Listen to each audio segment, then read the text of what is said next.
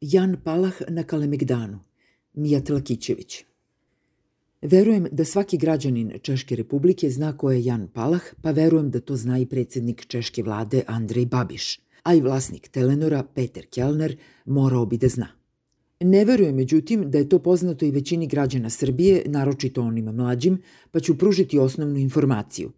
Jan Palah je mladić, Čeh naravno, koji se u znak protesta januara 1969. polio benzinom i zapalio na glavnom Praškom trgu, Vaclavskim namjestima, pošto je nekoliko meseci ranije Sovjetski savez okupirao Češku. To znači da Česi imaju osjećaj za to šta znači boriti se za slobodu. Zbog toga ni češkom premijeru ne može biti svejedno ako neko iz Češke dolazi da okupira Srbiju. Ako mu je češki ambasador povodom sporazuma Telekoma i Telenora da unište SBB stvarno rekao da se tu radi o sporu između privatnih kompanija, kao što je Babiš izjavio na konferenciji za novinare prilikom svoje posete 10. februara u Beogradu, onda je sasvim krivo informisan, jer najmanje se tu radi o veličini tržišnog kolača. Mnogo su krupnije stvari ovde u igri. U krajnjoj liniji reč je o slobodi. Otud, iako Telenor jeste u privatnom vlasništvu, ni jedna nacija, pogotovo njeni najviši predstavnici, ne sme da se pravi luda ako se pod njenom zastavom, u njeno ime tako reći, u nekoj zemlji gaze sloboda i osnovna ljudska prava. Doduše, sada ne tenkovima kao što su to činili Sovjeti pre 50 i kusur godina. Sredstva komunikacije su danas mnogo sofisticiranija, ali je suština ista.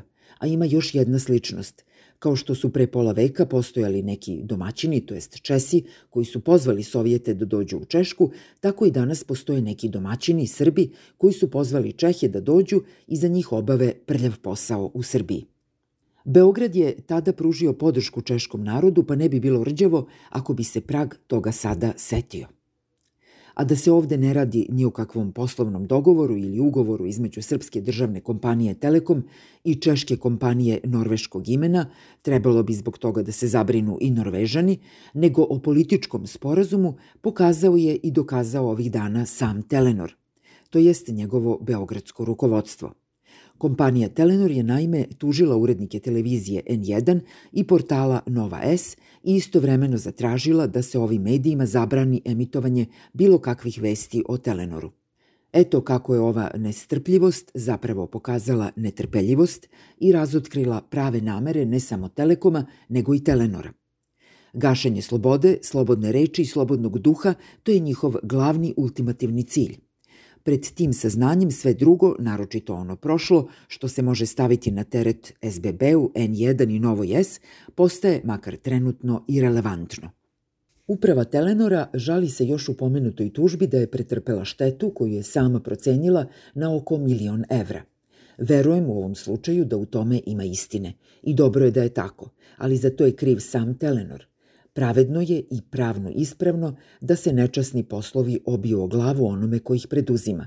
Šta više, moglo bi se reći da će, ako Telenor nastavi putem kojim je krenuo, šteta biti još veća.